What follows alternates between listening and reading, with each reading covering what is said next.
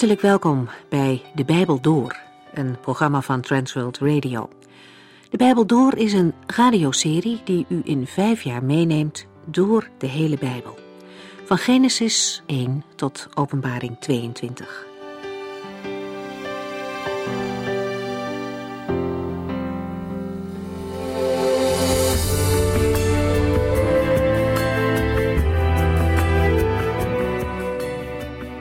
We verdiepen ons vandaag verder in het leven van David. Hoewel David door de Here is uitgekozen om koning te zijn, is hij in deze hoofdstukken voortdurend op de vlucht om zijn leven te redden. De vorige keer zagen we daarin de vergelijking met de Heer Jezus, die eens koning over deze aarde zal zijn. Maar in onze tijd is zijn koningschap nog niet zichtbaar. Toch is er een grote groep mensen die Jezus volgt en bij hem een veilige plaats vindt. In 1 Samuel 22 lazen we ook over de vreselijke moord op de priesters van Nop. En Saul zat opnieuw onder een boom, vol met zelfmedelijden. Dan verraadt de Edomiet Doeg aan Saul dat David in Nop is geweest. Saul roept de priesters bij zich. Hij is zo ver heen dat hij hen allemaal wil doden. Maar zijn dienaren weigeren om dat te doen. Dat is een moedige daad van hen, want dit zou hun zelf wel eens het leven kunnen kosten. Daar kunnen wij nu makkelijk naar kijken, maar je zult daar maar staan voor zo'n driftige heerser als Saul en dan gewoon weigeren om zijn bevel uit te voeren. Ze hebben dus de moed om God meer te eren dan de koning. Ze verschuilen zich niet achter het bevel van de koning, maar ze nemen zelf de verantwoordelijkheid om het goede te kiezen. Het is Doeg die de priesters doodt, en dat niet alleen, hij slaat ook de priesterstad met de ban op een gruwelijke manier en slechts één zoon van de priester ontkomt. Hij zoekt en vindt een veilige plaats bij David. In hoofdstuk 23 hoort David dat de inwoners van Keila lijden onder de Filistijnen. En wat is zijn reactie? Hij praat erover met de heren. David is gewend om in alles te vragen wat God wil en dat ook te doen. Hij krijgt van de heren de opdracht om te gaan en te winnen. Maar de mannen van David zijn bang. Het is al een angstig leven en dit zou het nog moeilijker maken. David overreedt hij niet. Hij gaat simpelweg opnieuw naar de Heere en vraagt om raad. De Heere God bevestigt David opnieuw en dan gaan ze op weg en bevrijden de stad. En als Saul dat hoort, stuurt hij zijn legers achter David aan. Weer legt David zijn moeilijke situatie voor aan de Heere en weer krijgt hij antwoord. En zo weet David op tijd te vluchten. Overleg met de Heere was voor David een levensstijl in elke situatie van zijn leven.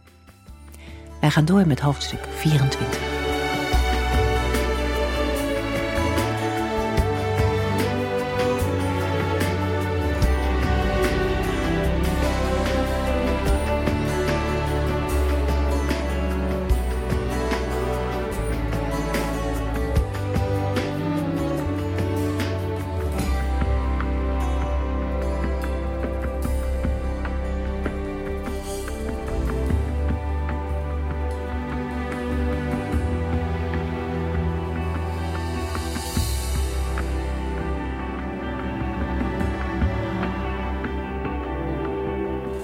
In de vorige uitzending hebben we gelezen dat Saul zich steeds meer ontpopt als een despoot en in toenemende mate afwijkt van het ideaal van een onderkoning onder het gezag van de Heer. Hij voelt zich bedreigd door alles en iedereen en poogt zich te handhaven door moord en geweld. Hij wordt een toonbeeld van alles wat zich tegen de Heer en zijn gezalfde keert. Saul heeft de priesters van Nop laten uitmoorden en zit als een razende achter David aan. Als David de inwoners van de stad Keila gaat helpen, omdat de Filistijnen hun dorsvloeren leegroven, denkt Saul David te pakken te hebben en gaat hij de stad Keila omsingelen. David weet door een waarschuwing van de Heere te ontsnappen en vlucht naar Sif. Ondertussen was kroonprins Jonathan op zoek gegaan naar David en had hem gevonden in Goreza. Jonathan bemoedigde David en vernielde de vriendschapsband met hem. Als hij weer is vertrokken, komt David ter oren dat de mannen van Sif hem bij Saul hebben verraden. David trekt met zijn mannen verder naar het zuiden de woestijn van Maon in. Maar Saul blijft hem achtervolgen. Het wordt kritiek. Het leger van Saul staat op het punt David en zijn mannen in te sluiten. Precies op dat moment krijgt Saul te horen dat de Filistijnen Israël weer zijn binnengevallen. Hij geeft de achtervolging op en keert terug om het gevecht met de Filistijnen aan te gaan. De plaats waar David bijna was ingesloten, wordt sinds die tijd rots van de scheiding genoemd. In de voorgaande hoofdstukken wordt diverse keren verteld dat David de Heere raadpleegde. Hij wil niets doen buiten de wil van de Heere.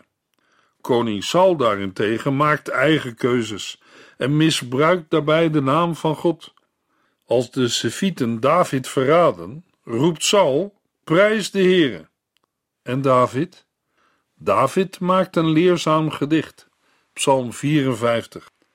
Het gedicht draagt als opschrift een leerzaam gedicht van David voor de koordirigent, te spelen met begeleiding van een snaarinstrument.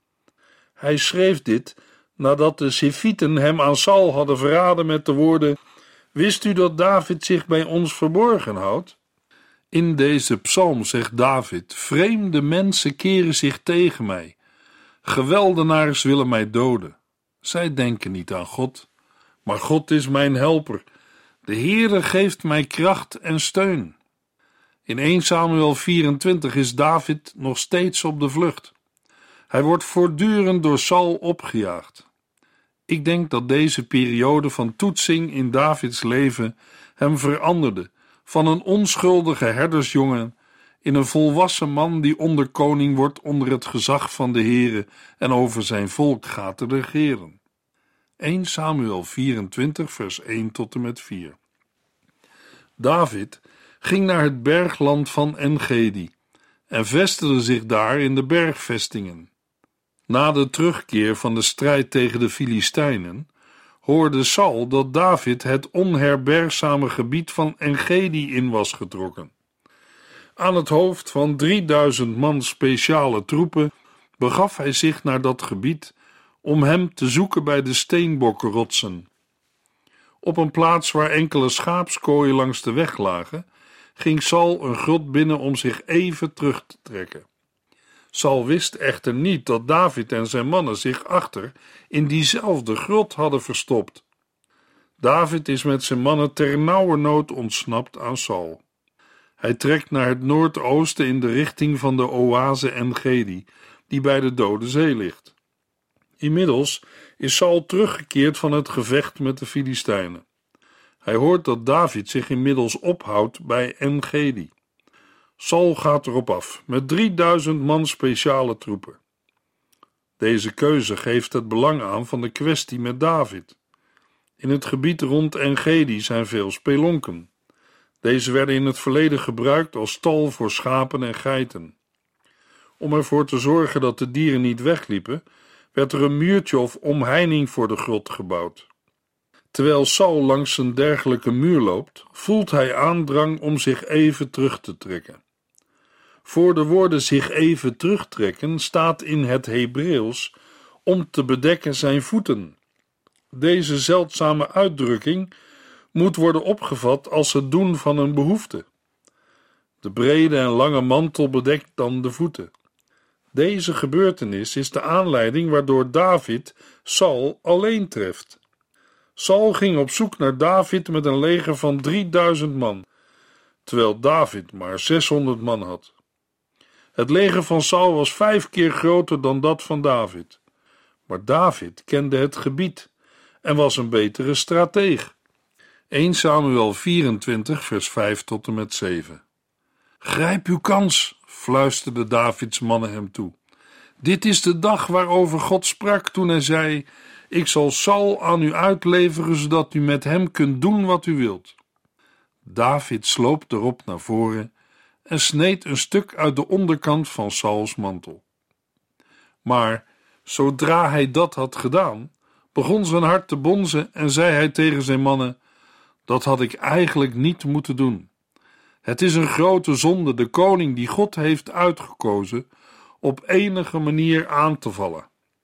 David staat op en snijdt stilletjes een slip van de mantel van Saul af.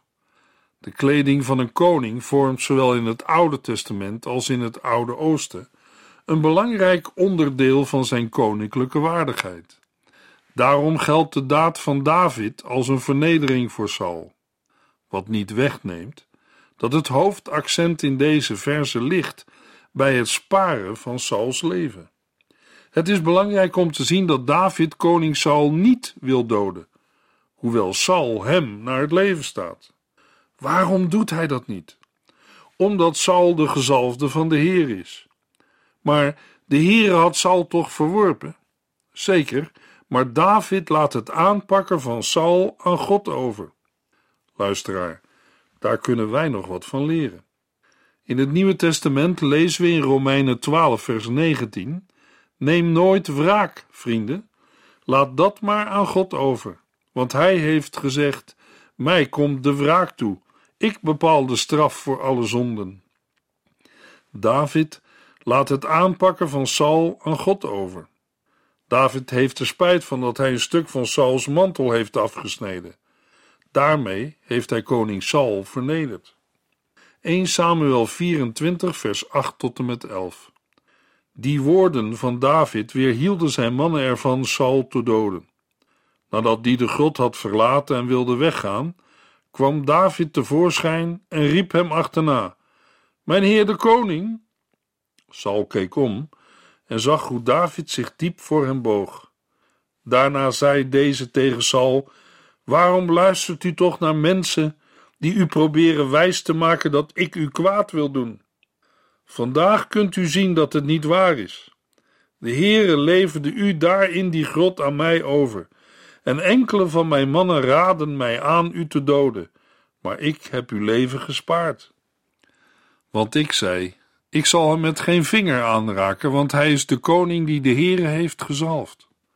Wat in deze verse opvalt, is dat David zich niet door emoties als boosheid en verbittering laat leiden, maar dat hij volledig trouw blijft aan de Heere. Hij strekt zijn hand niet uit naar een mens die aan God is gewijd. Met deze woorden houdt David zijn mannen in bedwang, zodat ze niet zullen opstaan om Saul te doden. De niets vermoedende Saul staat wel op, verlaat de grot en gaat weer op weg. Dan staat ook David op en verlaat eveneens de grot. Het is onduidelijk waar Sauls mannen op dat moment zijn. David loopt achter de koning aan en roept hem respectvol toe met de woorden: Mijn heer de koning. Saul kijkt achterom en ziet dat David zich diep voor hem buigt. Daarmee geeft David eer aan koning Saul. Daarna neemt David het woord en spreekt hij Saul aan. Hij vraagt de koning waarom hij luistert naar mensen die beweren dat David zijn ondergang zoekt. David laat zien dat dit beslist niet het geval is. Saul kan nu met zijn eigen ogen zien dat de Heer hem in zijn hand heeft gegeven. Zonder het te weten was hij in de buurt van David. Maar hij heeft zijn hand niet naar hem uitgestrekt, omdat Saul de gezalfde van de Heer is. Hij laat Saul de slip van zijn mantel zien. Niets wijst erop dat David loert op het leven van Saul. Dan zegt David dat de Heere zelf recht zal spreken tussen hem en Saul. Vervolgens citeert David een oude spreuk. De uitdrukking oude spreuk of spreuk van vroeger duidt erop dat David put uit een verzameling oude spreuken uit het verleden. Davids daad van genade door Sauls leven te sparen had Saul duidelijk moeten maken dat David niet op het leven van de koning uit was. 1 Samuel 24, vers 17 en 18. Saul riep terug: Ben jij dat werkelijk, David? Hij begon te huilen en zei tegen David: Jij bent een beter mens dan ik, want jij hebt tenminste geen kwaad met kwaad vergolden. Nadat David klaar is met spreken, neemt Saul het woord. Hij erkent dat David meer in zijn recht staat dan hij. Hij heeft David slecht behandeld, terwijl deze hem goed heeft behandeld. Saul stelt een retorische vraag. Wie ter wereld had in zo'n situatie zijn vijand zomaar laten gaan? Saul sluit af met een zegenbede voor David. Hij verklaart dat David zeker als koning zal regeren en zijn koningschap zal standhouden. Daarom doet Saul het verzoek aan David een eed te zweren, waarin hij belooft zijn nageslacht niet uit te roeien. David gehoorzaamt aan het verzoek van Saul en spreekt de eed uit. Ten slotte gaat Saul weer terug naar Gibea en David trekt met zijn mannen terug naar hun bergvesting. David wilde het oordeel aan de Heer overlaten. Daarin ligt een verbinding met 1 Samuel 25, waarin Abigail David waarschuwt het recht niet in eigen hand te nemen, maar het aan de Heer over te laten. In de overgave van eigen rechten zien we hier ook al iets van de persoonlijkheid van de Heer Jezus. Christus, die in zijn weg naar het kruis niet kiest voor een gemakkelijke oplossing door legioenen engelen in te roepen die hem zeker zouden bevrijden. In de moeilijkste omstandigheden blijven zowel David als de Heer Jezus trouw aan de Heer. Ook dit is een les voor ons. Hoe gaan wij in onze tijd om met gezagdragers in kerken en gemeenten? Zeker, zij kunnen hun bijzondere positie door ernstige zonde kwijtraken. Daarbij is het zelfs mogelijk dat iemand uit zijn taak en ambt wordt ontheven. Helaas verdwijnen er soms ook zaken onder de tafel. Soms worden mensen ook ten onrechte beschuldigd, onder het mom van geen rook zonder vuur. Maar een gelovige mag weten dat de Heere zelf het oordeel uitvoert over situaties van onrecht. 1 Samuel 25 vers 1 Korte tijd later stierf Samuel en heel Israël kwam bijeen en rouwde om hem. Hij werd begraven bij zijn huis in Rama. Intussen trok David naar de woestijn Paran. Nadat Saul en David zich tijdelijk met elkaar hebben verzoend, horen de Israëlieten dat de oude richter en profeet Samuel is gestorven. Omdat Samuel van groot belang is geweest voor de Israëlieten, verzamelen zij zich in zijn woonplaats Rama. Het volk bedrijft rouw en begraaft de richter en profeet in zijn eigen huis te Rama. David staat er nu, meer dan voorheen, alleen voor. Kan hij deze eenzame positie doorstaan door rechtvaardig te handelen? Intussen blijft David met zijn mannen rondtrekken en gaat naar de woestijn Paran. Paran ligt aan de oostkant van de Sinaï, maar strekt zich waarschijnlijk uit tot het gebied dat noordelijker ligt. Het feit dat David zich in Paran vestigt, betekent dat hij zich verder verwijdert van Saul. 1 Samuel 25, vers 2 en 3. Een rijke man uit Maon bezat daar een schapenboerderij, dicht bij de stad Karmel. Hij had 3000 schapen en ongeveer 1000 geiten en was op dat moment op zijn boerderij omdat de schapen werden geschoren. Hij heette Nabal en zijn vrouw een mooie en erg intelligente vrouw heette Abigail. Nabal, een nakomeling van Caleb, was een harde en ruwe kerel. In vers 2 en 3 wordt aandacht gevraagd voor een man die woont in Maon en die zijn bedrijf heeft dicht bij de stad Karmel. De man is erg rijk. Hij is bezig zijn schapen te scheren. De naam van de man is Nabal en zijn vrouw heet Abigail. De betekenis van Nabal is dwaas. Het dwaze van deze man komt in het vervolg naar voren. Abigail betekent: Mijn vader is bron van vrolijkheid. De man en de vrouw zijn tegengestelde persoonlijkheden. Abigail is intelligent en mooi, maar Nabal is een harde en ruwe man. Nabal is een nakomeling van Caleb. 1 Samuel 25, vers 4 tot en met 10. Toen David hoorde dat Nabal zijn schapen aan het scheren was, stuurde hij tien jonge mannen naar Karmel om hem de volgende boodschap over te brengen. Mogen God u en uw familie voorspoed geven en alles wat u hebt zegenen. Er is mij verteld dat u met uw herders aan het scheren bent. Toen uw herders onder ons verbleven, hebben wij hen nooit kwaad gedaan en ze zijn nooit iets tekort gekomen toen zij in Karmel verbleven. Vraag uw jonge mannen zelf maar of dit waar is of niet. Nu heb ik mijn mannen gestuurd om een kleine bijdrage van uw kant en wilde u vragen hen niet teleur te stellen. Want wij zijn op een feestdag gekomen. Geef ons alstublieft een geschenk van wat voorradig is. De jonge mannen gaven Davids boodschap aan Nabal door en wachten op zijn antwoord. Wie is die David eigenlijk, wilde Nabal weten. Wie denkt die zoon van Isaï wel dat hij is? Er zijn tegenwoordig heel wat knechten die bij hun meesters weglopen. David hoort dat Nabal zijn schapen aan het scheren is. Het scheren van de schapen zal in deze afgelegen streek, waar bewoners veelal leven van het hoeden van kleinvee, een bijzondere gebeurtenis zijn geweest. De wol vormt de belangrijkste bron van inkomsten. Het zal dan niet ongewoon zijn geweest dat gasten voedsel kregen en daarom vraagt David een feestgave aan Nabal. David gaat niet zelf, maar stuurt tien jonge mannen naar Karmel. Ze hebben opdracht Nabal te groeten en hem en al de zijnen vrede te wensen. Ze moeten Nabal vertellen dat ze hebben gehoord dat de schapen worden geschoren. Daarnaast moeten ze erop wijzen dat zijn herders bij David ook bescherming hebben gekregen. David vraagt Nabal zijn mannen een kleine bijdrage mee te geven. Het feit dat David tien mannen stuurt, geeft aan dat hij een rijk geschenk verwacht. Maar Nabal reageert afwijzend. Hij vraagt: Wie denkt die zoon van Isaï wel dat hij is? Er zijn tegenwoordig heel wat knechten die bij hun meesters weglopen.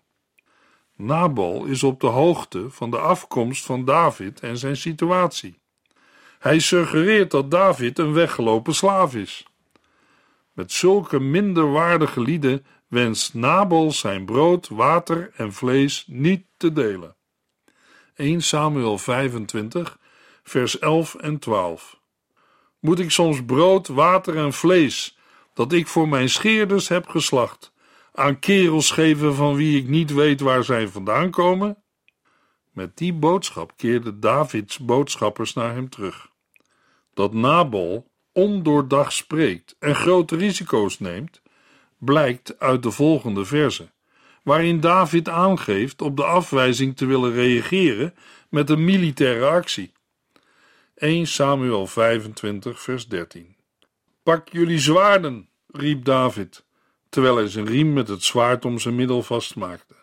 Hij nam 400 mannen mee en 200 bleven achter om hun eigendommen te bewaken. We kunnen verwachten dat David een bloedbad zal aanrichten onder de verwanten van Nabal. 1 Samuel 25, vers 14. Ondertussen was een van Nabals mannen naar Abigail gegaan en had gezegd: David heeft mannen vanuit de wildernis gestuurd om onze meester te begroeten, maar hij beledigde hen en schold hen uit. Abigail hoort dat haar man tegen de mannen van David is uitgevaren. De knecht vertelt Abigail dat David en zijn mannen altijd goed voor hen zijn geweest en dat ze hun nooit schade hebben toegebracht. Dat wordt in vers 16 bevestigd, waar de knecht zegt dat de mannen van David dag en nacht als een muur rondom hen waren. Nadat de knecht van Nabal een pleidooi voor David en zijn mannen heeft gehouden, zegt hij in vers 17 tegen Abigail: U kunt beter snel iets bedenken want onze meester en zijn hele familie krijgen hier moeilijkheden mee. Hij is zo koppig, er valt niet met hem te praten. 1 Samuel 25, vers 18 tot en met 20.